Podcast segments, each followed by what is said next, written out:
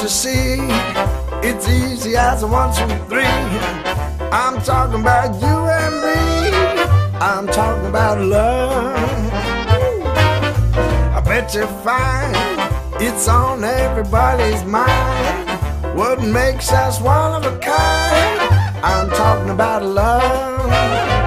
It doesn't matter where you travel, you are sure to see miracles unravel with L O V E. Listen here, the message is loud and clear. Can't help what I feel, my dear. I'm talking about love.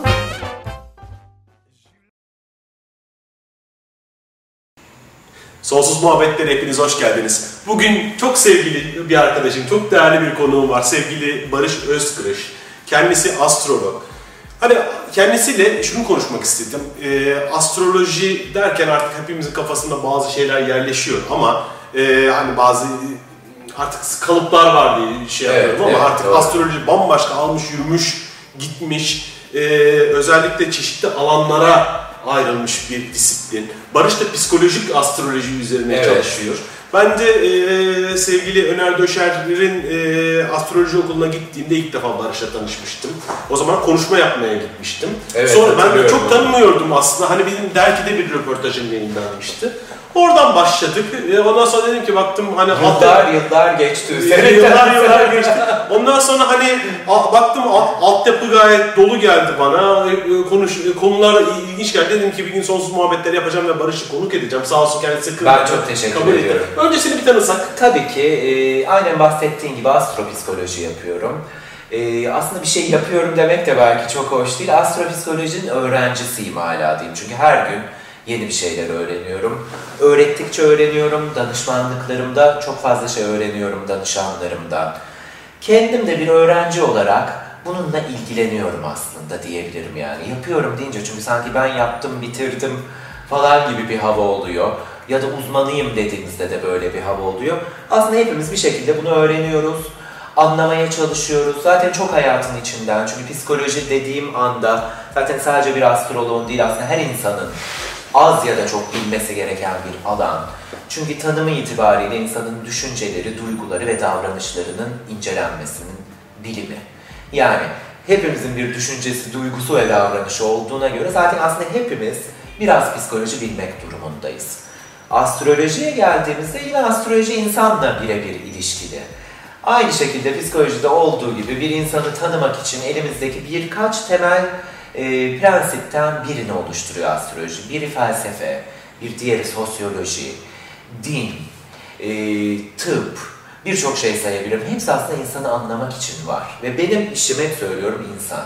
İnsanı anlamak, insanı tanımak ve edebildiğim kadarıyla ona yardım etmek bir ayna tutarak ve bunu da öğrencilerime aktararak en iyi şekilde yapmalarını sağlamak. Yani bir haritayı doğru analiz etmelerini ve danışana da etik kurallar çerçevesinde davranmalarını anlatmak. Yani onu kandırmadan, manipüle etmeden, e, kehanetlerle başını döndürmeden, yani kendi egosunu tatmin etmeden ya da kendini yansıtmadan, kararlarına aşırı karışmadan en doğru şekliyle ve en etik şekliyle bir haritayı analiz etmelerini sağlamak. Benim bence Yani- buradaki görevim ve misyonum bu, bu işi yaparken. Eyvallah. Şimdi tabii astroloji deyince ilk etapta herkesin ön yargısı bu işte e, gazetelerdeki köşe şeylerden başlıyor. Ya arkadaşlar 12 tane burçum var, şeyim var diyor. Biraz daha işin içine gidiyor. Ben sevgili Aycan Saroğlu sayesinde e, bu çok değerli astrolog arkadaşlar. Aycan'a çok selamlar. Aycan'a selam söylüyoruz burada. Benimle ilk röportajı da Aycan yapmış. Evet. 2009 yılı gibi. Evet, evet. Çok hatırlıyorum. uğurludur Aycan. Çok. Bir de e, beni de tanıştırdı bu astrolog arkadaşlarla ve e, işin derinini, altyapısını öğrenmeye başladım. Evet. Özellikle o harita olayına girmek, harita bambaşka bir şey. Bambaşka bir şey. Sonra da bir gün e, çok sevgili artık aramızda değil, e, nur içinde yatsın Nil Erdem e, dedi ki bana, Hasan'cığım dedi, astroloji dedi, meteoroloji gibidir. Bakarsın, potansiyelini görürsün. Hani bugün yağmur yağacaksa der ki astroloji, bak bugün yağmurlu olabilir, yanına şemsiyeni al. Evet. Ama yağmayabilir. Yağmayabilirdi. Aynen öyle. Çok doğru. Bu açıklama beni tam astrolojide kafamın yerine Kesinlikle. oturttu. bir mutlaklıkla ilgisi yok astrolojinin. Zaten şu anki tanımı itibariyle bir pozitif bilim değil. İleride bir gün her şeyini ölçmeye başlarsak, bütün bu gezegensel etkileri, kişiliğimiz üzerindeki etkilerini özellikle o zaman bir pozitif bilim olacak. Şu an için bence e, bir sanat. Ben hep öyle söylüyorum. Bir sanat gibi kendi dil, lisanı var, aynen müzik gibi kendi dili var. Ve bu dille adeta biz harita yorumlarken şarkı söylüyoruz. Yani bir şarkıyı yaratıyoruz her bir haritanın içinden. Kendine özgü bir esansı olan, kendine özgü bir doğası olan, temel yatkınlıkları olan ve yine kendi içerisinde tabii kendi gölge yönlerini de barındıran bir şeyi analiz ediyoruz harita analiz ederken. Ve bu noktada şu çok önemli bizim için.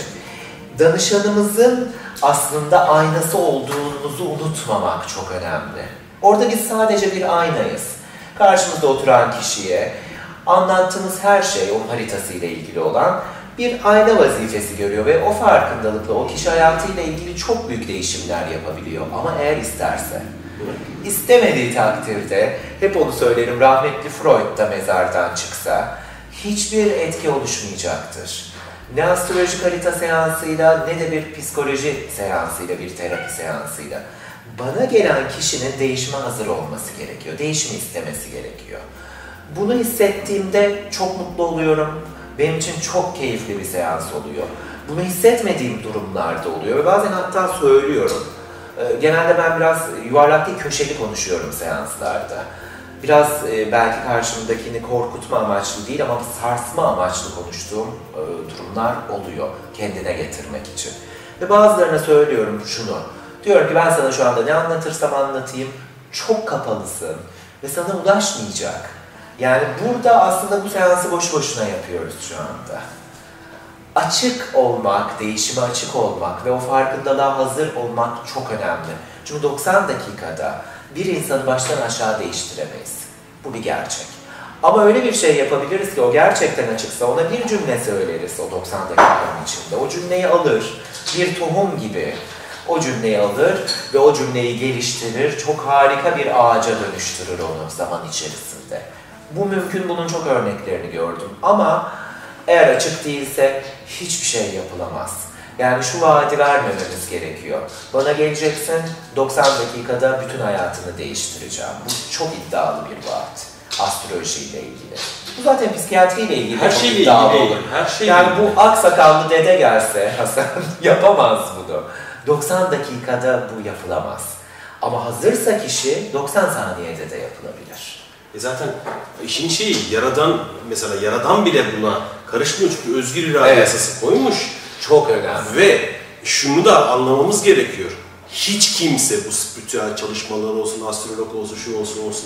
Hiç kimse sizin adınıza sizin görevinizi yapamaz. Kesinlikle. Size yol gösterebilir, potansiyellerinizi söyleyebilir. Şöyle yapsam daha iyi olabilir ama sen yaparsın bunu. Tabii ki.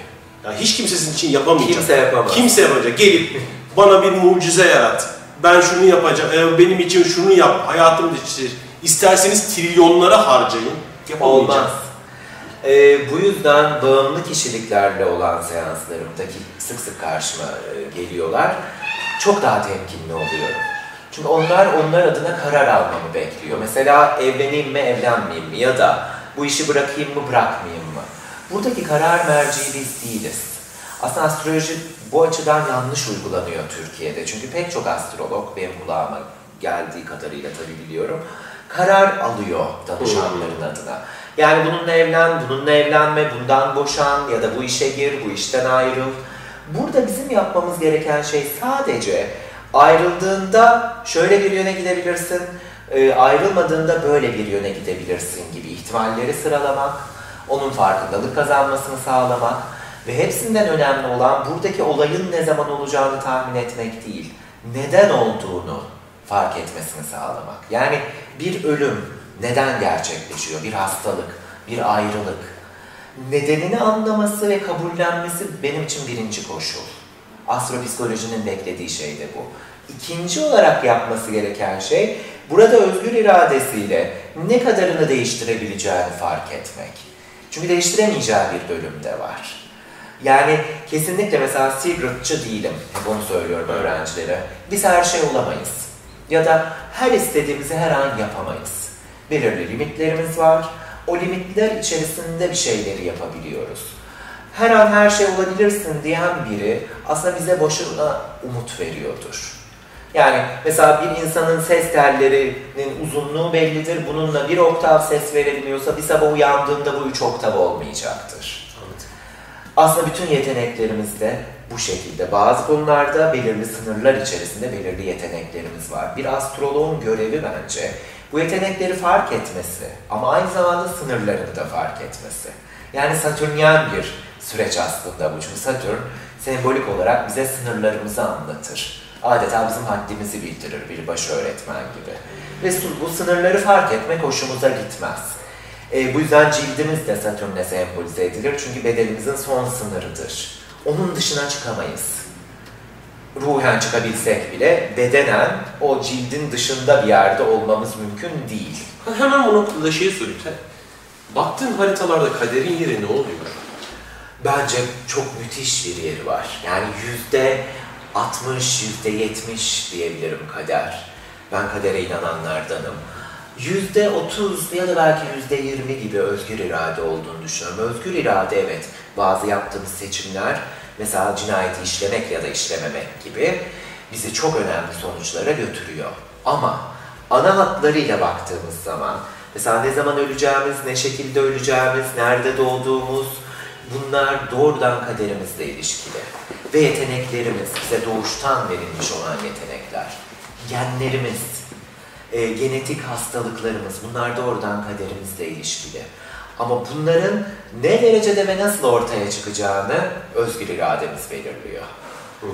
Akıl hastalığı da böyledir. Yani ailesinden mesela şizofreni getiriyordur genlerinde hayatı boyunca ortaya çıkmayabilir. Ama çıkabilir de. İşte bu noktada onun duygusal farkındalık düzeyi, deneyimleri, deneyimleri algılayışı çok önemli. Doğru bir bakış açısıyla bir akıl hastalığının bile ortaya çıkmasını engelleyebilir kişi. Blokajları kaldırarak. Ee, mesela üç saç ayağı gibi düşünebiliriz bunu. Keder, öfke ve cinsel enerji. Bunlar bastırıldığı zaman herhangi bir tanesi zaten kişiyi nevroza doğru götürebiliyor. Üçü birden bastırılıyorsa psikotik durumlar da ortaya çıkabiliyor. Yani işte algı bozuklukları, halüsinasyonlar, delüzyonlar gibi şizofrenik ve psikotik durumlara da gidebiliyor kişi. Hiçbirini bastırmıyorsa, doğru ve zamanında yaşıyorsa, canı istediği zaman ağlayabiliyorsa, istediği zaman sesini yükselterek öfkesini gösterebiliyorsa ve cinselliği yaşayabiliyorsa doğru yolda demektir. Ama bunları bloke etmeye başladığı zaman ki bu blokajları haritada da görebiliyoruz enteresan bir şekilde. Astrolojinin bence en gizemli tarafı bu. O doğum haritası adeta bizim zihnimizin bir şeması. Ve gezegenler alt kişiliklerimiz gibi. Ve açıları devreye soktuğumuz zaman alt kişiliklerin arasındaki rahat akışları ya da çatışmaları görebiliyoruz. Harita derken, harita dediğin tam olarak hiç bilmeyenler Tabii bilmeyenlere de sor. Harita Doğru. nedir? Ben tabii sen bildiğin için Ben rahat biliyorum. rahat anlatıyorum. Hayır, ben de şeyini merak ediyorum. Hani tamam ben görüyorum burada dereceler var, açılar Evet, var, onlar evet, var, evet. onlar var. Nasıl belirleniyor harita ve Ee, çok nedir? güzel soru çünkü her şeyin temelinde o var. Bir kere doğum saatimizi doğru bilmemiz gerekiyor. Çünkü tam doğduğum dakikadaki ya da o birkaç dakika içindeki gökyüzündeki şekli iki boyutlu bir iz düşümü halinde görüyoruz bir haritaya baktığımızda. Ve burçlar dediğimiz aslında zaten takım yıldızlar. Gezegenler zaten bildiğimiz gezegenler hepimizin dünyadan bakış ile hangi gezegen hangi takım yıldızın önündeyse haritada bu gösteriliyor. Mesela sen akrep burcu olduğun için akrep takım yıldızının önünden güneş geçerken doğmuşsun. Hmm. Ve her bir burcu 30 derece olarak alıyoruz. Ve bir saat gibi yavaş yavaş ilerliyor. Her 4 dakikada bir derece atıyor bu saat. Özellikle yükselen burç söz konusu olduğunda. Ve sürekli olarak bir sonraki yükselen burca doğru geçiyor gün içerisinde. Ve güneş de mesela ayda her ay bir burç geçerek gidiyor. Merkür Venüs de benzer şekilde ortalama her ay bir burç geçerek gidiyor. Böylece bir sistem oluşuyor astrolojide. Her şeyin hareket ettiği bir sistem bu. Her şey dinamik, sürekli olarak değişiyor ve asla kendini birebir tekrar etmiyor. O yüzden istatistik bilimi olarak da astrolojinin tam olarak çalışıp çalışmadığını anlamamız için bugünden 26 bin yıl önceye gitmemiz gerekiyor. Çünkü yaklaşık 25 bin 800 yılda bir gökyüzü birebir kendini tekrarlıyor. Yani buradan şöyle aslında bir çıkarımda bulunabiliriz. Senin de çok ilgini çekecektir. Bu 26 bin yılda bir her şey bitiyor ve baştan başlıyor olabilir. Ve 26 bin yılın bitişi 2012 idi değil mi? Böyle tahmin ediliyor. Evet, evet. Yani umarım doğrudur. Çünkü bu benim uzmanlık alanım değil. O biliyorsun o zamansal hesaplamalar işte araştırmalar Evet. geçmişe dönük. Umarım doğrudur. Eğer öyleyse bir 26 bin yılı bitirdik ve yeni bir 26 bin yıl başladı ve kıyametsiz bitirdik bunu. Yani bir, bir dünyanın sonu gelmeden bitirdik. Ama benim tahminim, yani içgüdüsel olarak bunu hissediyorum. Bence 26 bin yılda bir deney tamamlanıyor, baştan başlıyor. Ha. Ben bunun bir deney olduğunu Lost, düşünüyorum. Lost dizisinde gibi. Aynen öyle. Ben, Şey- ben hep bir deney olduğunu düşünüyorum, düşünmüşümdür dünyanın. Hatta sevgili Ali Boz'la şimdi yeni bir kitap yazıyoruz. Eyvallah. Hatta bitirdik. Orada da kutsal deney koyduk kitabın ikinci adını. Evet. Ben hep biraz kendimi ve bütün insanları laboratuvar faresi gibi görüyorum. Belki bu tanımlama bazılarının hoşuna gitmeyecek ama e, bence bu bir deney. Deneyin koşulları var. Bu koşullar kutsal kitaplarda da belirtilmiş. Nelere uymamız gerektiği. E, deneyin her şeyi belli. İşte algı sınırlarımız belli, mekan belli, zaman belli. Her şey yaratılmış. Ve bir şekilde bu bir tekamül deneyi bence. Eyvallah. Bakalım birinci kim olacak? Yani o 26 bin yılın sonunda ve bir önceki 26 bin yıllık belki o önceki deneyin e, birincileriyle yarışabilecek kadar ilerlemiş olacak? Açlık oyunları gibi. Açlık oyunları gibi yani. Bana hep bu bir deney gibi geliyor. Bilmem nedense böyle hissediyorum. Niye olmasın? Bir Hani- yazılım tabii aynı zamanda. Evet. Matrix gibi. Eyvallah. Ee, bir yazılım. İçinde özgür irademizle e, bazı yorumlar yapıyoruz ama yine de bir laboratuvardayız. Yine koşullar belli. Çok dışına çıkamıyoruz o koşulların. Belirli oranlarda çıkabiliyoruz. Astroloji de işte bana bu deneyin gidişatını biraz gösteren bir harita önümde. Yani çıkmaz sokak neresi, kısa yol neresi? Ya da nerede bir gölge var, orada belli ki bir çukura düşeceğim. Ya da nerede aydınlık taraflarım var, oraya gittiğim zaman çok daha fazla olgunlaşacağım ve tekamül edeceğim. Bunu bir haritaya baktığımda görebiliyorum. İşin keyifli tarafı bu. Yoksa ne zaman öleceğim, nasıl öleceğim bunlar benim ilgimi hiçbir zaman çekmedi. Çünkü hepimiz bir gün öleceğiz. Nasıl yaşadığımız çok önemli ama nasıl öleceğimiz bana göre hiç önemli değil. Çünkü zaten bir sürpriz yok orada. Kesin öleceğiz. Hani bir belirsizlik olsaydı ilgimi çekebilirdi. Haritaya o zaman şöyle bakardım. Acaba kim ölecek, kim ölmeyecek gibi bir gözle bakabilirdim. Şu anda o sorular hiç ilgimi çekmiyor. Çok da alıyorum bu tip sorular. İşte ne zaman ölürüm, ne zaman evlenirim, ne zaman işte kesin işe girerim gibi mutlaklık isteyen soruları çok alıyorum. Ve hep şunu söylüyorum. Bu bir olasılık ilmi. Bu bir mutlaklıkla ilgili bir pozitif bilim değil. Ki pozitif bilimin bile ne kadar pozitif olduğu tartışılır. Eyvallah. Mesela psikoloji araştırmalarının çoğu tıpla bağımlıdır zaten tıbbi bilgilerle. Ama soyut kısımlarına geldiğimizde, mesela bir insanın zihnini ölçmek gibi bir alana geldiğinizde psikoloji de aslında tam pozitif bilim değildir. İnsanı zaten nasıl pozitif olarak şey yapabilirsin ki? Tabii. Hani sürekli olarak hani bazı şeyler eee tekrarlandığında evet bilime dönüşebilir. Onlara Evet. aynı sonuç alırsan ama insandan iki gün üst üste aynı şeyi Böyle bir şey söz konusu değil. Ya da bütün depresyondakiler aynıdır demek büyük bir hata değildir. Bütün şizofrenler aynıdır. Değildir. Değil.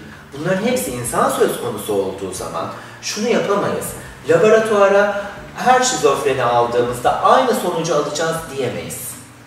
İşte böyle insan doğasının çok enteresan bir tarafı var, ölçülemeyen bir tarafı var. Ölçülememesi onu daha da tabii egzantrik ve daha da enteresan bir hale getiriyor. Bir yandan belki bizi sürpriz Ama yapan şey veriyor. bu. Çünkü robot değil. Karşında Robot bir robot biz. yok. Her ne kadar e, ilaç sektörü olarak robot gibi düşünüp tek bir hap üretmeye çalışsan Tabii. da e, böyle bir durum Ve antidepresanlarla ilgili de böyle bir durum ben kendim de kullandım bir dönem. Ee, gönül rahatlığıyla söylüyorum. Bazı çünkü psikologlar falan gizler. Hani şu algıyı yaratmak istemez. Ya bak işte o da deliymiş, bana nasıl yardım etsin diye. Ben göğsümü yere göre biliyorsun Facebook sayfama bile yazmıştım panik atak geçirdiğim dönem. Ee, işte bu dönem kimseyi kabul edemeyeceğim çünkü tedavi görüyorum diye. Çünkü danışanlarımı daha iyi anlamamı sağladı. O yüzden Kesinlikle. gönül rahatlığıyla söylüyorum. Şu anda benim karşıma biri geldiği zaman işte depresyon yaşıyorum, panik bozukluk yaşıyorum. O kadar rahat empati kuruyorum ki kitaptan öğrenemezdim bunu. Çok net yaşadım ve öğrendim. Kitaptan okuduklarımı anlamış oldum fazlasıyla sebeplerini ve sonuçlarını. Muhteşem bir deneyim oldu benim için. İyisiyle ve kötüsüyle ciddi söylüyorum. Bir film vardı, Çok film- zor günler geçirdim ama muhteşem bir deneyim oldu. Film vardı. Bir tane adam e, bir tane yazarın kitabını okuyor. Kızı için e, öneriler alıyor, alıyor, alıyor, alıyor. Filmin sonunda şunu öğreniyor ki yazarın kızı yok. bir tane yumruğu patlatıyordu. Onun gibi yani e, deneyimlemek daha iyi. Kesinlikle. Deneyimlemek çok dediğim gibi çok güzel bir empati. Gözünden tanıyorum artık. Ya daha kapıdan giriyor diyorum ki anksiyete bozukluğu mu yaşıyorsun? Süper bir şey. Çünkü biliyorum o bakışı biliyorum. Kendim de yaşadım bunu. Eyvallah. Ve o dönem antidepresan kullandım. Hatta iki tane değişik antidepresan. Ve şunu gördüm. Her insanda farklı etki ediyor. Yan etkileri farklı şekilde ortaya çıkıyor. Etkisi de farklı şekilde ortaya çıkıyor. Hepimiz biricik olma özelliğini taşıyoruz gerçekten. Ve aslında psikolojik hastalıkların tam bir ilacı yok. Çünkü her panik atak geçirene de aynı ilaç veriliyor, depresyondakine de aynı ilaç veriliyor. Ee, işte atıyorum bipolarlara veremiyorlar, daha çok atak geçiriyor çünkü onlar hipermani atağı geçiriyor. Ama genelde pek çok psikolojik problemi olan aynı ilacı içiyor. Aynen demin dediğin gibi. Yani biz robot olsaydık hepimiz de aynı şekilde etki edecekti. Ama olmadığımız için aslında bu ilaçlar birer muamma. Gerçekten birer muamma. Deneyenler çok iyi bilir antidepresanları. Bir muamma. Birini iyileştirebilir, ötekini hiç iyileştirmeyebilir. Birinde plasebo etki yapabilir, ötekinde yan etkiyi daha fazla yapabilir. Tamamen bir muamma. İnsan söz konusu olduğu zaman. Aslında hepimiz el yordamıyla ilerliyoruz. Hiçbirimizin çok fazla bir şey bildiği yok. Sadece bildiğimizi sanıyoruz. Benim harika bir e, doktorum var. Bakırköy'ün eski bölüm şefi. Ona gidiyorum, bana da o yakışır zaten. Bana bir gün dedi ki Barış dedi, sana dedi 40 yıllık e, psikiyatri tecrübemin sonucunu söyleyeceğim dedi ve ben böyle baktım yüzüne. Hepimiz aptalız dedi. Nasıl yani dedim ben. Hepimiz aptalız dedi. Ben, sen, bütün insanlar dedi inceledim. Yıllardır inceliyorum. işim insan. Bakıyorum, bakıyorum, bakıyorum. Hep bu sonuca vardım dedi. Hiçbirimiz yeterince akıllı değiliz. Hiçbirimiz yeterince bilgiye de sahip değiliz. Hepimiz bir şeyleri bildiğimizi zannediyoruz ve durmadan günde 50 tane savunma mekanizması kullanarak egoyu ayakta tutmaya çalışıyoruz, onu kandırarak zarar görmesin diye. İşimize gelmeyen gerçekleri çarpıtıyoruz, bastırıyoruz, yansıtıyoruz, yer değiştiriyoruz. 50 küsur savunma mekanizması var aklımızın kullandığı. Akıl Aldatır diye harika bir kitap vardı. Sevgili hocalarımdan biri Ramazan Abacı yazmıştı. Ee, çok da tatlı bir adamdı. Şunu diyordu orada, çok güvendiğiniz aklınız sizi aldatmak için 50 tane savunma mekanizması kullanıyor ve her gün kullanıyor. Her an, şu anda seninle sohbet ederken de her an bunu kullanan bir akla sahipken nasıl mutlak gerçeğe ulaşabiliriz ki? Ya mutlak gerçek bizi çok üzecekse, egomuzu yaralayacaksa ya da o mutlak gerçek bir anda şu anda burada durmamızı tamamen anlamsız hale getirecekse nasıl ulaşabiliriz ki buna? Çok zor. Çok çok çok zor. Ben kaldım. 50 tane savunma mekanizması deyince bir an aklıma şu soru geldi. Tüm savunma mekanizmalarını bıraktığında geriye ne kalacak dediğim gibi o mutlak gerçek. Ne, ne, o Ne his- kalacak? Ve ne hissettirecek? Mesela e, depresyondaki hastaların çoğunda savunma mekanizmaları zayıflıyor. Ve bir düşünürün muhteşem bir cümlesi vardı. Kelime kelime maalesef hatırlamıyorum ama şöyle bir şey diyordu. Mutlak gerçeği sadece depresyondakiler bilir diyordu. Ve onlar da kendini öldürmek ister diyordu. Çünkü kendimizi kandırmadığımız zaman canımız para kazanmak istemeyebilir. Sevişmek istemeyebilir, aşık olmak istemeyebilir. Salt gerçekle karşı karşıya kaldığımız anda gerçekten depresyona girebiliriz. Böyle bir ihtimal var. Ve bunun olmaması için ego bizim psikolojik bağışıklık sistemimiz adeta. Onu ayakta tutmak için bunlara ihtiyacımız var. Biri size bir şey dediği anda hop diye ne yapıyoruz? Onu hop dönüştürmeye başlıyoruz. savunma mekanizması. Ya aslında onu da dememiştir ya da bu da böyledir falan gibi. Hemen onu çarpıtıyoruz, değiştiriyoruz ve ondan sonra kabulleniyoruz. Bunu mesela sevgililer muhteşem bir örneğidir. İlişkide her şey kötü gidiyordur ama der ki aslında iyi bir adam. En tehlikeli cümle. Bu bana dendiği anda benim ikinci cümlem belli, beni tanıyanlar iyi bilir. Aldatıyor musunuz eşinizi diyorum.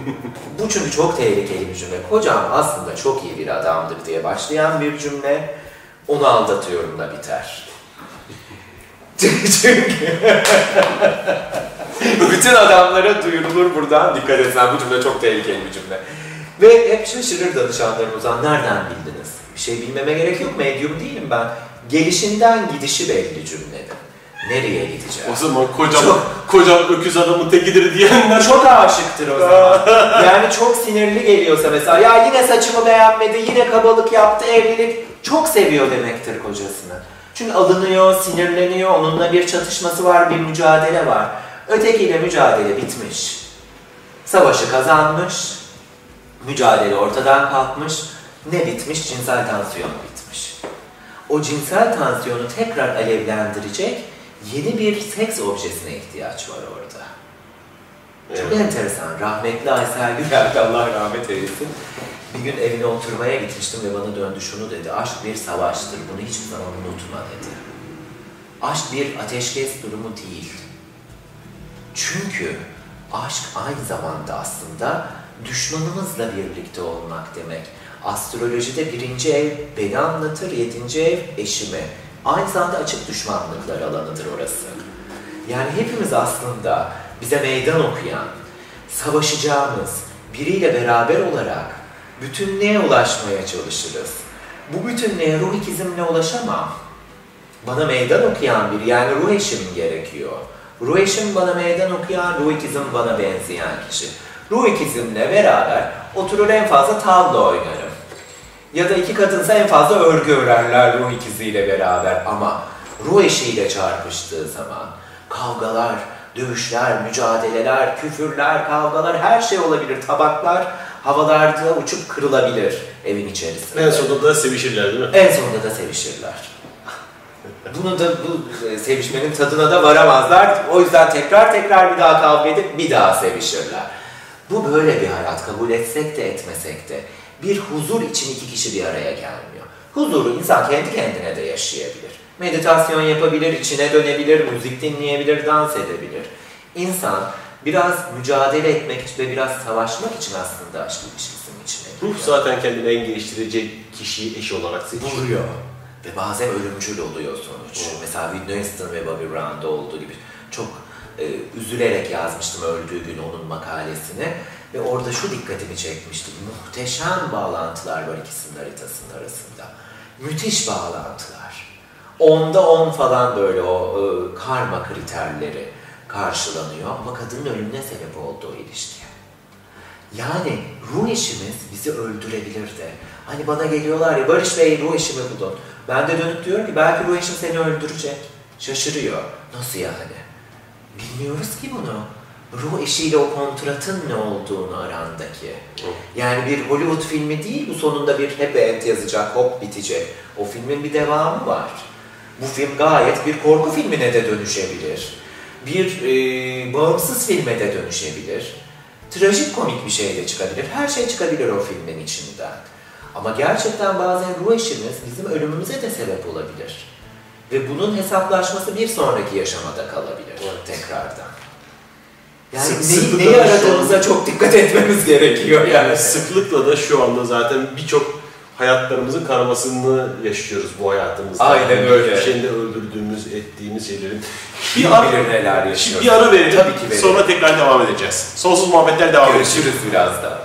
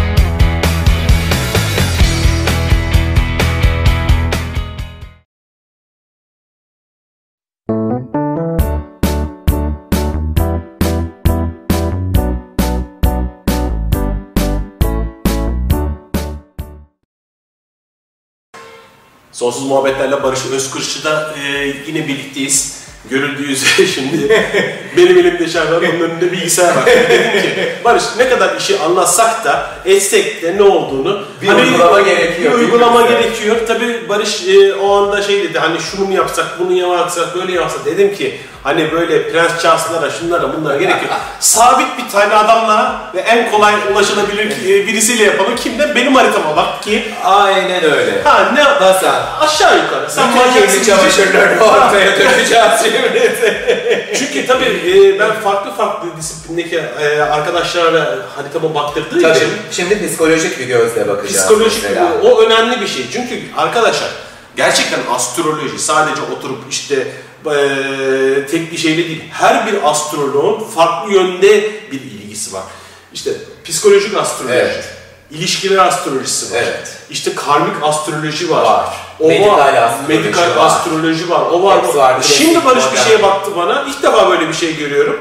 E, Dünya haritası üzerinden astrokartografi Aynen astrokartografiyle hangi ülkede nasıl deneyimler yaşayacağımızla Ve ilginç bir şekilde mesela benim çok uzak durduğum bazı ülkeler vardı. Ben buralara gitmeyeyim diye.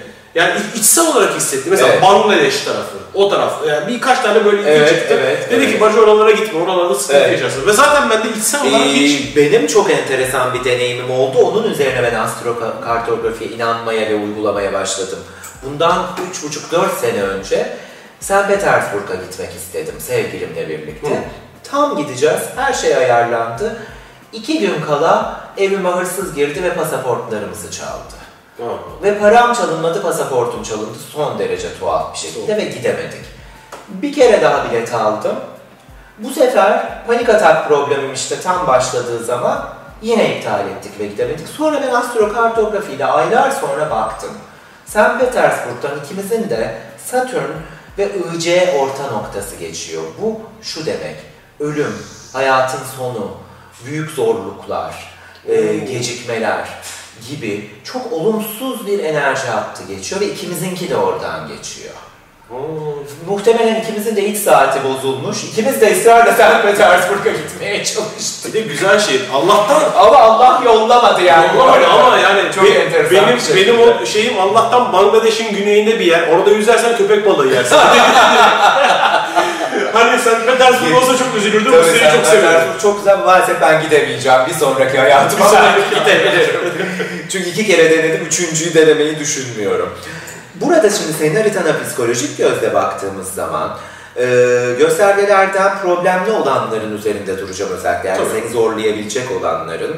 Güneş-Mars kavuşumu var ve 12. evde. Bu şu demek. Öfke yön- yönetimi problemi. Ha. Yani özellikle Mars 12. evde olduğu için 12. ev baskıyı anlatan bir alan. Ee, öfkenin bastırılması ve patlamasıyla ilgili bir problemi bize anlatıyor ve Güneş Mars'la da kavuştuğu için bu daha da artıyor. Hayatımın temel problemlerinden birisi. Aynen öyle. Tam da demin tesadüfen de konuşuyorduk. Aynen, aynen. Arada e, çok acayip denk geldi. Yani bariz bir şekilde haritan gösteriyor çünkü.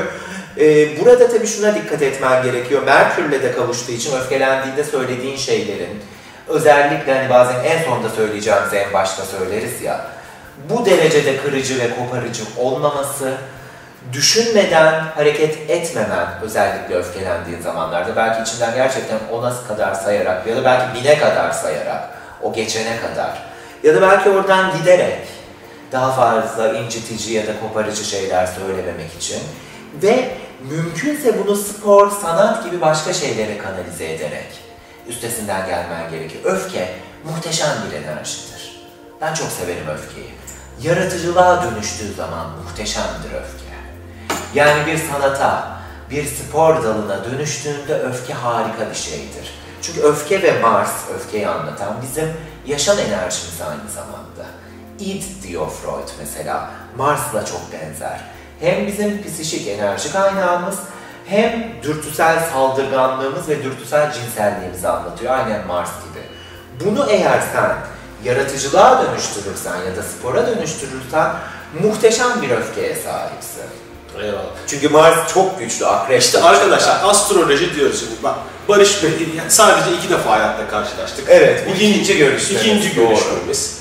Ve benim temel olarak hani yakından tanıyanların bildiği en temel problemim açıkçası en temel problemim öfke, öfke yönetimi problemimdir.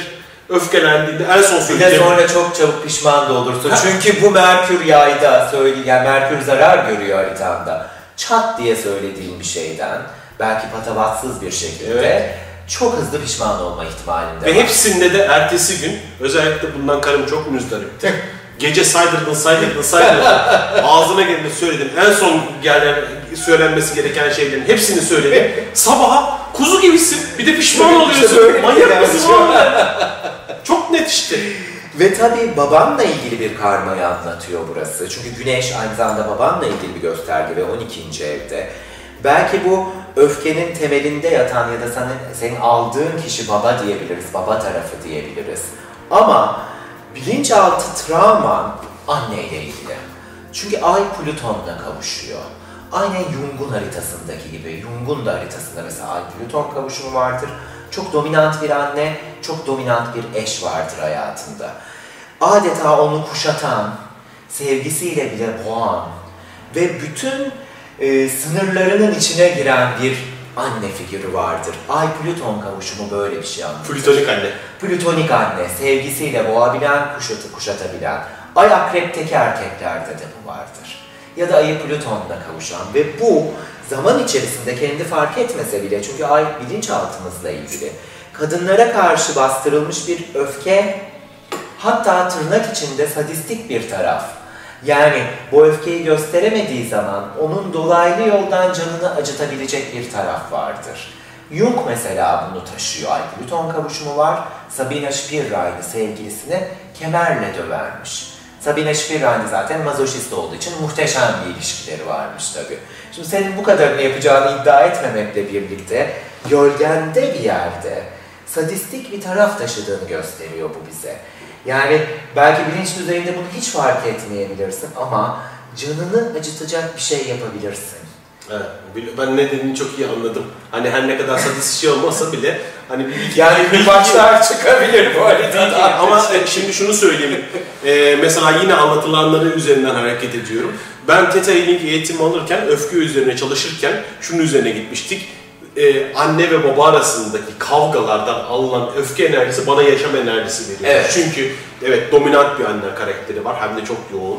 Yine babam aynı şekilde dominant bir karakter ama anne çok yoğun bir şekilde hayatındaki tüm sınırları götürmüş. işte plütonik bir. Ha, plütonik bir anne. Bizi Ve- dinliyorsa kızacak biraz bize ama plütonik bir enerji. Yani şey e, orada e, aslında ikisi de çalıştığı için hiçbir şekilde yoklar hayatında. Çünkü sa- ben akşamları kreşten geliyorum, ediyorum ve onlar kavga ettikçe varlıklarını hissediyorum. Haritaya göre aslında daha çok baba hayatında yokmuş gibi görünüyor. Çünkü 12. eve E, düşmüş. zaten o 10.30'da geliyordu, annem saat 6.30'da geliyordu. Daha da çok Daha olmayan yoğun. kişi baba yani buraya göre. İşte onların kavgaları onların bana var olduğunu hissettirilmiş ve bu enerjiyi hissetmek için kavga edebileceğim bir eşi de seçiyorum kendime. Tabii. Devam ediyor. Bunu çözdüğün zaman artık böyle bir parça Ee, halledeceksin bunu.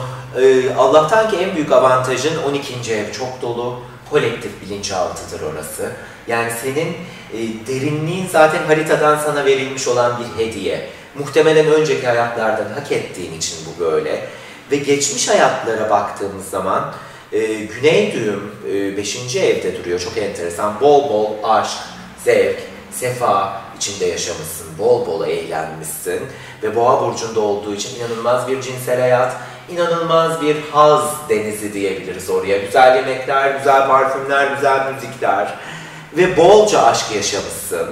Bu hayat sana demiş ki sosyal toplulukların önüne çık, bir amaç uğruna hareket et, sosyal topluluklara bilgiyi getir, gerektiğinde krizleri doğru yöneterek onları dönüşüm fırsatına çevir ve özellikle azınlıkların hakları için bir şeyler yap demiş. Eyvallah. Ezilenler için bir şeyler yap demiş. Bunu Yeterince yedin, içtin, seviştin, yeter kalk. Aynen öyle. Ha.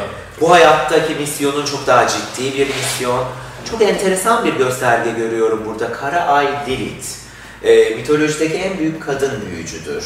Ve bir kadının bütün gölge yönlerini anlatır. Kıskançlık, tutku, öfke, kin, intikam, manipülasyon. Yani bir fan fataldir Lilith. Evet. Tam anlamıyla senin beşinci evinde duruyor.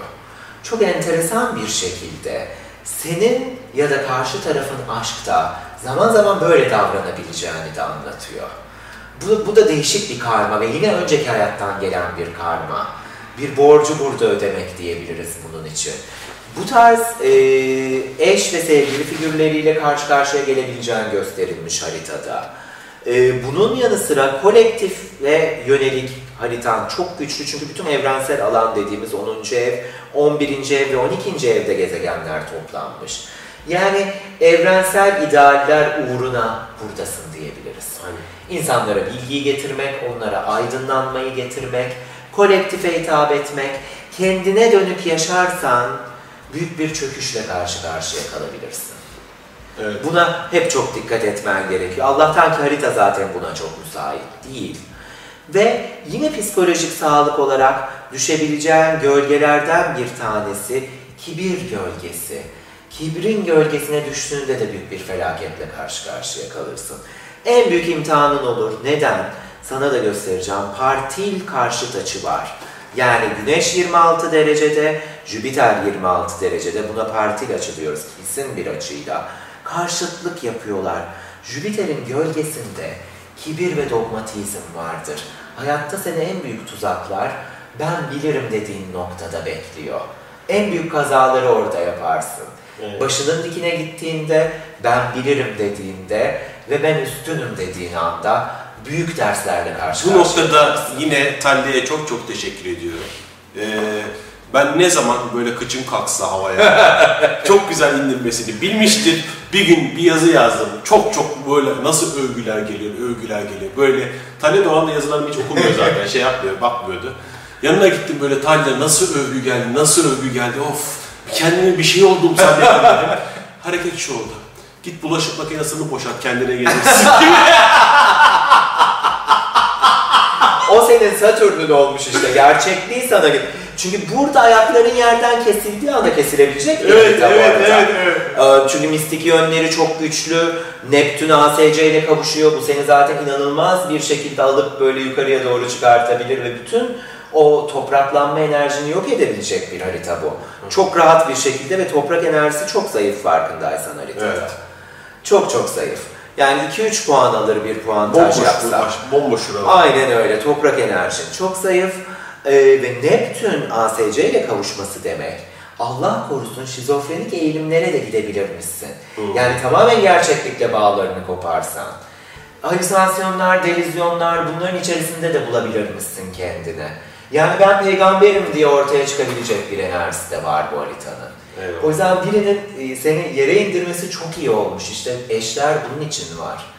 Bizi tamamlamak, bize meydan okumak ve yeri geldiğinde haddimizi bildirmek için Zamanında çok kızardım. Çok kızardım. Derdim ki hani eee, ya o kadar kişi okuyor ediyor, bir sen okumuyorsun, bir tam tersi şey yapıyorsun falan. Ama Ters şimdi gel... Ama şimdi Ruhu geldi. ruhu gel, anaokulu tripodlar deviriyor. şimdi ama ne kadar önemli olduğunu görüyorsun. Çünkü Tabii. bana hayran olup sürekli övgülü şey alan birisi olsaydı ben darmadağın olurmuştum. Tabii ki kafan karma karışık olacaktı. Bu arada çok enteresan psikoloji dışında bir şey söyleyeceğim. Ee, müthiş medyum tarzı yeteneklerinin olması gerekiyor sen. Neptün tam ASC'nin üzerinde. Acuk var, acuk. Yani bayağı olması gerekiyor. Çünkü burası ufuk çizgisi ASC diyoruz biz ona. Tam ufuk çizgisinin üzerinde Neptün duruyor doğduğun anda. Neptün, sen de biliyorsun, bilmeyenler için söyleyelim, medyumların haritalarında çok kuvvetlidir. Hmm. Çok fazla yaratıcılığı olan insanlar, ilham dolu insanlar, bazen dediğim gibi uç noktada şizofrenik eğilim de verir ama genelde medyum tarzı yetenekler verir insana. Yani müthiş sezgiler, e, inanılmaz bir şekilde rüyalar, rüyalarının gücü, zaten 12. ev burgunda çok kuvvetli. Bütün bunlara hakim olduğu bir haritaya sahipsin. Bu mistik bir harita. Eyvallah. Bu çok, sen bu haritayla mesela muhasebe, finans, bu tip şeylerle uğraşsan çok sıkılırdın. Yapamadım zaten, yapamadım. Çünkü çok, çok boş o alanlar. Ve ruh eşi dediğimiz yani sana en çok meydan okuyacak enerjiler, ikizler ve koç enerjileri aklında bulunsun. Bu enerjilerle muhteşem bir tekamül yakalarsın. İkizler kadınıyla büyüdüm. Yani Evet. 6 aydan itibaren kuzenim. Babam koç. Ya işte. Bundan daha iyi nasıl olur? Hepsi tekamülün için karşısına Hepsi. çıkmış. Sana meydan okumak için. Bir de hayatının sana as, öğretmek aslanlardan için. geçti. O da 8. eve bakınca Evet, aslanı evet. göreceksin. Orası da krizler alanı biliyorsun yine karma ile ilgili. Kendi burcundan da zarar görme ihtimalin çok yüksek. Evet. Çünkü gizli düşmanlıklarla ilgili bir alan orası. Kendi burcundan da zarar görme ihtimalin çok yüksek. Yani görüyorsunuz arkadaşlar yani açtı önüne bilgisayarı şakır şakır okuyor yani hani söylediklerine de itiraz edemiyorum çünkü doğru. Ve Barış yani öyle o kadar yakından tanıyan bir insan değil yani değil mi? İkinci Tabii, kez, yani ikinci kez karşılaşıyor. Zaten astroloji bu ki hani şimdi hızlıca yapıyor. Tabii şu Daha- anda buzdağının görünen uçları. daha, daha ayrıntılarına girip bunların daha neler neler var daha Dedektiflik gibi aslında. Evet. O yüzden çok seviyorum. Ben çocukluktan beri dedektif romanları okumayı çok severim. İşte Agatha Christie'ler bilmem neler bayılırım hepsine. Bir nevi psikoloji de öyle. Dedektiflik gibi bir sırrı çözmeye çalışıyoruz orada. Astroloji de o şekilde. Bir bulmaca. Bir sürü sembolün arasındayız burada. Hepsi bir şey ifade ediyor ama birleştirirken doğru şekilde birleştirmemiz gerekiyor doğru sonuca ulaşmak için. Ve tabii ki sana soru sormak da gerekiyor. Astroloji bir hava atma aracı değildir. Evet. Hep onu söylüyorum öğrencilerime. Bunu size öğretiyorum ama hava atmanız için değil. Yani maksat şu değil. Aa bak nasıl bildim. Ya da işte şahmat yaptım değil. Soru cevap şeklinde karşımızdakini e, şahmat yapmaya çalışmadan onun nasıl deneyimlediğini de anlamak. Yani soru sormak ayıp değil astrolojide. Bazıları çünkü bizi falcı zannediyor. Diyor ki ben sana geldim ben hiç konuşmayacağım hadi bil bakalım. Bu doğru bir yaklaşım değil astroloji. Oradaki amaç onu anlamak, ona yardım etmek. Amaç orada onunla ilgili kehanetlerde bulunarak böyle bir tanrı kompleksini tatmin etmek değil. Çünkü hiçbirimiz tanrı falan değiliz, medyum da değiliz çoğumuz. Ben değilim en azından. Benim işim, sen olabilirsin. sen de gördüm onu çünkü burada. ben değilim medyum. Benim işim ona yardım etmek ve anlamak için ben çok soru da soruyorum. Yani diyorum ki bak haritanda Ay Plüton'la kavuşuyor. Böyle bir annen mi var? Evet. Bunu bana anlat diyorum. Plüton'u Onu anlattıktan sonra beraberce işte buradaki e, problem ne olabilir, bugüne nasıl yansıyor olabilir, beraberce bunu çözmeye çalışıyoruz. Eyvallah. El ele yapıyoruz yani bunu da. Ve gördünüz bana hani potansiyel dedi ki burada kibir potansiyeli vardır. Şimdi ben bunları gerçekten hayatımda alıyorum.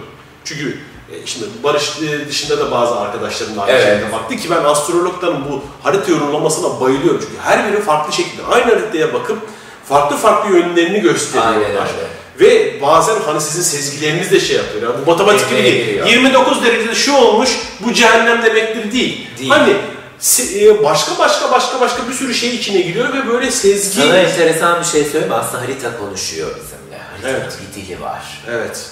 Gerçekten ama bu resimde de böyledir. Mesela çok iyi bir ressam bir tabloya baktığında da o tablo onunla konuşur. Ben de yazı, yazıda olur. Yazılar bana geldiği zaman yazıda ne yazdığına bakmıyorum. Arkasındaki ruh geliyor benimle Ha. konuşuyor. O seninle sohbet eder. Harita da aynı şekilde. Bir dili var ve doğru okursak aslında benim onu dinlemem gerekiyor. Kendi egomu dinlememem gerekiyor orada. Çünkü benim egom beni yanıltır. Yani o anda benim canım sevgilimden ayrılmak istiyor olabilir ve dönüp sana sevgilini bırak diyebilirim. Hmm. Ego böyle bir yanılsama içerisine beni sokabilir. Kendi egomu bir kenara bırakıp bana bu haritanın ne demek istediğini anlamam gerekiyor. Eyvallah. Çünkü bu benim haritam değil. Kendi egomla bunu çözemem. Ancak o haritanın benimle konuşmaya başlamasını beklemem gerekiyor analiz ederken. Eyvallah. Eyvallah. Ya, ve potansiyelleri görmek diyorum. Ben mesela bazı yazılarında konuşmalarımda şey dedim. Şizofren olup olmadığımı arada sorarım. Çünkü psikik bazı öngörülerde bazen Evet. bulunduğum oluyor. Hatta derim ben şizofrensem hani söyleyin bilen varsa arkadaşlarım Evet. da yani böyle doktor arkadaşlarım söyleyin ama lan insanlara bu kadar şeyleri anlatıyor. Şey gibi ama işte görüyorsunuz haritada diyor oğlum senden Tabii. şizofren de çıkabilir. Çıkabilirmiş. Hani sen spiritüel işlere kendini vermeseydin senden acayip karanlık bir adam da çıkabilirmiş. Çok bir öfkeli bir adam çıkabilirdi. Bir sosyopat bile çıkabilirdi. Evet. Bir kural yıkıcı, suç işleyen biri de buradan çıkabilirdi. Çünkü Mars çok kuvvetli ve baskı altında. 12. eve sıkışmış, Güneş'le kavuşmuş, Merkür'le kavuşmuş. Büyük bir baskı altında burada ve Jüpiter o pozisyonu alıyor. Bu onun üzerindeki baskıyı arttırıyor. Ve işte Daha bu- da patlayıcı bir Bu hale tarz getiriyor. öneriler geldiği zaman bana aman dikkat et dediğinde bu tarz şeylerle karşılaşıyorum eninde sonunda aklıma geliyor. Hani diyorum ki ha bana böyle bir şey söylenmişti. O zaman ben tercihimi değiştireyim. Tabii. Hani e, kibre katıl, kapılıyorsun Hasan dikkat et bu senin Çok için tehlikeli. Çünkü gerekiyor. yine bir başka bir e, astrolog arkadaşım bana şey söylemişti. Bir önceki hayatta aydınlanmayı yakaladın ama sen onu oturup kendine sakladın. tamamen bireysele sakladın, paraya çevirmeye çalıştın. Bundan da zarar gördün ve işte Ee, tam tersi. Burada da gerçekten buna çevirmeye çalışırsan problem var. Çünkü bak zaten toprak ele- elementin az var haritada ve para evine baktığımız zaman zaten zararda. Evet. Satürn yönetiyor ve Aslan Burcu'nda zarar görmekte. Diyor ki egoya yönelik şeyler yaptığı zaman para kazanırken zarar görecek diyor. Çünkü Aslan ego ile ilgili bir burç ve Satürn ona zarar veriyor yani haddini bildiriyor. Evet. Çok egoya yönelik davrandığın zaman para kazanırken zarar göreceğini okuyoruz burada sonunda. Bu senin kontratın. Evet. Sen imzalamışsın. Ben buna inanıyorum. Bence bu bizim kontratımız ve biz bunu seçiyoruz. Benim ruhsal dersim.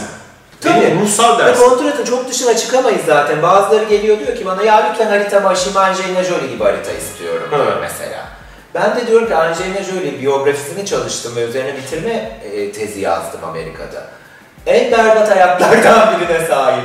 İki intihar girişimi var, uyuşturucu bağımlılığı var. Göğsü gitti ya kadının. İki göğsü alındı, şimdi rahmi alınacak.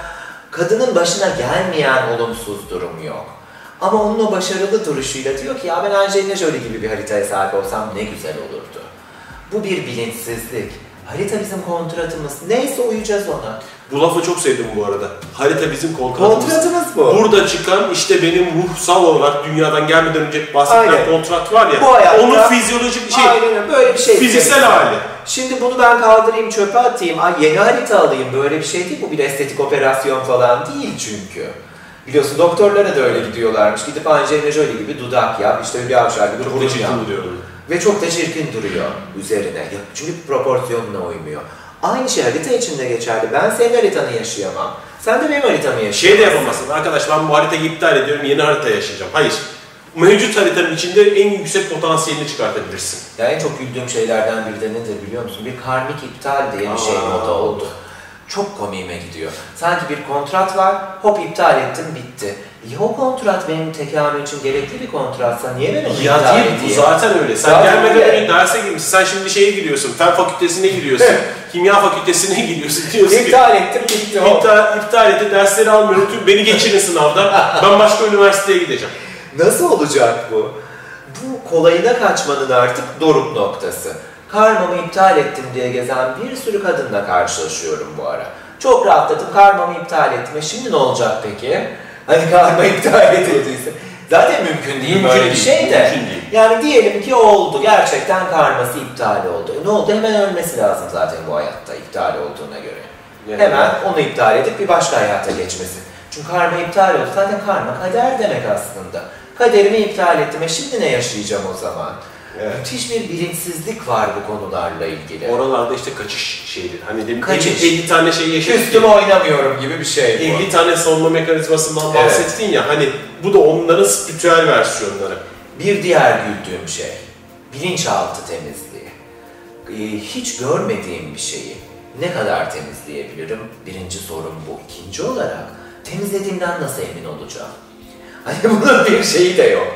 Şunu anlarım, mesela meditasyon ben de çok seviyorum. İşte alfa frekansına geçmek, derinleşmek, yaratıcılık okey bunların hepsine katılıyorum ama bir lavabo aç gibi bir çalışmayla bilinçaltımı temizledim bitti ya da bir adama gittim işte beni bir masaya yatırdı bir işlem yaptı bilinçaltım temizlendi. Keşke bu kadar kolay olsa hepimiz o adama Şunu yapabilir zaten. mesela. Öyle seni yönlendirir, senin o bilinçaltındaki tıkanıklıkla seni yüzleştirir. Aa, bu Sen kendin görürsün. Tabii. Sen kendin Blokajı fark etmek ve Zaten aşmak. başka türlü de düzelmez arkadaşlar. Bu evrende sen bir kendi probleminin içine gözlerini dikmeden hiçbir şey çözemezsin. hiçbir şey olmaz. Terapistler, yol gösterenler seni o yolu yürütürler. Derler ki bak böyle bir şey var sen bakacaksın Tabii. derler ama. Ve Gerçekten kendi yapacak. kendi yapacak. Yumurta piş ağzıma düş bir dünyada yaşamıyorum. Bastırdım parayı geldi benim yerime Valla şey bugün seni tanıyınca daha çok sevdim. Aynı kafadan e, çünkü düşünüyoruz. Onu fark ettim. Kesinlikle yumurta piş ağzıma düş yok. Bu kadar kolaycı olamayız. Ben de olamam. Ben de kendim terapiste gidiyorum ama terapiste gittiğim zaman çabalıyorum onun bana söylediklerini yapabilmek için. Ödev veriyor bana mesela. Doğru terapist zaten yapmak yapar. için çabalıyorum ama hiç kimse bana Ben kendim bir şey yapmadan yardım edemez. Böyle bir dünya yok. Aynen. Şifacı da, doğru şifacı da şifayı kendisinin vermediğini bilir. Tabii ki. Aracı olursun, o kişi kendi kendine şifalanır. Aynen öyle. O yeteneğini fark eder. Çünkü hepimiz şifacıyız. Evet. Hepimiz iyileşebilecek güce sahibiz. Ama biz dıştan almaya çok alışmışız. Hepimiz. Tembel Her şeyi dıştan almak istiyoruz. Özellikle Türkiye'de bu çok yaygın. Amerika'da çok yaygın. Avrupa'da belki biraz daha az yaygın. Orada inisiyatif almayı biraz daha fazla biliyorlar. Burada müthiş bir kolaycılık var. Yani hani okutup üfletmek gibi bir nevi bir astroloğa gideyim. işte kötü karmamdan arınayım. Ya da oradan çıkayım işte bir tarot baktırayım arınayım. Üstüne bir fal baktırayım oradan da öğreneyim bitsin merak Az önce ne, etmeyeyim ne falan. konuşmuştuk? Kolaycı zihinler çıkarcı bilinçlerin kurbanı olur arkadaşlar. Muhteşem bir ifade. Nilgün'e çok teşekkür Bunu ederim. bana söylediğinde, demin söyledin. Zaten not aldım hemen bayıldım. Bana, bana da Çok Nil- doğru. Nilgün söylemişti. Çok doğru. Çok, çok, ne kadar çok doğru. kolaycıysanız, ne kadar şey gidiyorsanız e, o çıkarı çok iyi bilen ve sizi çok güzel yolacakların elinde düşersiniz. Çok doğru. Bunun üzerine bir şey rica edeceğim bizi izleyenlerden astroloji adına. Bana gelirken de başkalarına giderken de lütfen şunu yapmasınlar. Mutlak bir şey duymak amacıyla astroloğa gidiyorlarsa hiç gitmesinler. Çünkü o zaman kandırılacaklar ya da aradıklarını bulamayacaklar. Bana gelirlerse aradıklarını bulamayacaklar çünkü mutlak bir şeyden bahsetmeyeceğim. Bir başkasına gittiklerinde de kandırılacaklar. Çünkü orada onu memnun etmek için dönüp diyecek ki astrolog belki bu sene kesin evleneceksin diyecek. Sırf o bunu duymak istediği için. Duymak istediklerini duymak için para vermesinler boş boşuna. Kendilerine yüksek sesle söylesinler. Potansiyeli söyler. Potansiyeli derken Potansiyeli ben de söylerim. Yüzde ki, 65, yüzde elli. Jüpiter 7. evinden geçiyor. Yüksek ihtimal evlenebilirsin derim. Evet. Ama kesin evleneceksin. İşte bu adamla kesin evleneceksin falan. Çok kesinliğe girdiğimiz zaman çuvallarız. Çok açık ve net. e, gelecek henüz gerçekleşmedi ki. Aynen öyle. Şu anda gelecek böyle beş Çuvallarız tane ayrı şey yani. gibi. Beş Daha ben ona bunu söylediğim anda bir şeyi değiştiriyor olabilir Evet. üstelik. Ee, belki söylemem ters etki yaratıyor da olabilir onun üzerinde. Çok mutlak bir şey söylediğimiz zaman, iyi şeyleri bile mutlaklığa çektiğimiz zaman olumsuz bir etki yaratabiliriz. Eyvallah. Belki o niyetli adama öyle bir baskı yapar ki zaten nasılsa benimle evlenecek diye adamın evleneceği varsa da vazgeçebilir onunla evlenmekten. Ya da evlenir ama o bol bok bir hayat yaşar. Aynen öyle ve boşanma avukatı için bu sefer babamı arar. eyvallah. Eyvallah. Barış sana peki nasıl ulaşabilirler? Ee, Bana her yerden ulaşabilirler. Facebook'a kendim bakıyorum. Evet. Ee, sosyal medya ajansıyla da çalışıyorum. Çünkü hepsine yetişemiyorum ama Facebook hesabıma kendim bakıyorum. Öteki hesaplarımda yazdıklarımı veriyorum. Sağ olsun o şirket benim adıma paylaşıyor. Çünkü yetişemez oldum. Web sitemde var barışözkırış.com. Eyvallah. Facebook'ta dediğim gibi direkt kendim oradayım zaten. İnsanlara hem bilgi veriyorum. Arada işte bazen bir şey soruyorlar. Vakit varsa hemen bir cevap yazıyorum ona falan. Eyvallah. Yetişmeye çalışıyorum. Ama sen beni biliyorsun demin de bahsettim. Ben konuşmayı seven biriyim. Evet evet. Çok yazı işlerine girince ben biraz sıkılıyorum ister istemez. Eyvallah. Konuşarak sesli mesaj atıyorum onlara. Allah'tan bu yeni şeyler çıktı sesli mesajlar Evet. sosyal medyada. Elimde telefon, mikrofon gibi gelen soruları kısa kısa böyle sesli yanıtlıyorum. Bazen işte Vaktim eğitimle varsa ilgili- diyelim. Çünkü- Vaktim varsa Çünkü tabii. o yani tabii. 200 tane soruya o ciddi bir zaman yapamıyorum. yapamazsın. Tabii yapamıyorum. Tabii. Çünkü eğitim verdiğim için öğrencilerimin soruları da çok oluyor gün içerisinde işte ödev yaparken Evet. falan. Hepsine yetişemiyorum tabii ki artık. Keşke yetişebilsem. Keşke, keşke. Ama öyle bir dünya yok. Eyvallah. Barış sana çok teşekkür Ben ederim. çok Çok, güzel bilgiler verdin. Çok sağ olasın. Benim için de çok güzeldi. Harika sorular sordun. Sağ ol. Çok teşekkür Benim ederim. için de çok, çok güzeldi o Eminim yüzden. sizler de çok güzel bilgiler almışsınızdır. Astrolojiyi böyle işlemeyi de ben de çok seviyorum. Çünkü çok şeyler öğrendim. Daha önce de çok değerli konuklarımız olmuştu. Öner Döşer gelmişti, Semavi vardı. Daha nice arkadaşlarımız olacak. Çok da mutlu oluyorum. Bu şekilde gerçekten böyle bir e, disiplinin bizim hayatımızda olmasını Senin misyonun bu. Hepimizi dünyaya her yere tanıtmak. elimden ne kadar gelirse seve seve hep Haritada bunu gösteriyor. Siz güzel şeyler yapın. Ben elimden ne geliyorsa zaten yapacağım zaten. Ama kitabını da merak ediyorum bu arada. Göreceğiz bakalım inşallah. Hep bizi tanıtmak olmaz, biraz da biz seni tanıtalım. eyvallah, eyvallah. Çok teşekkür ediyoruz. Sonsuz muhabbetler devam edecek. Can't you see? It's easy as a one, two, three. I'm talking about you and me. I'm talking about love. I bet you find it's on everybody's mind. What makes us one of a kind? I'm talking about love. It doesn't matter where you travel, you are sure to see miracles unravel with L O V E. Listen here, the message is loud and clear. Can't help what I feel, my dear. I'm talking about love.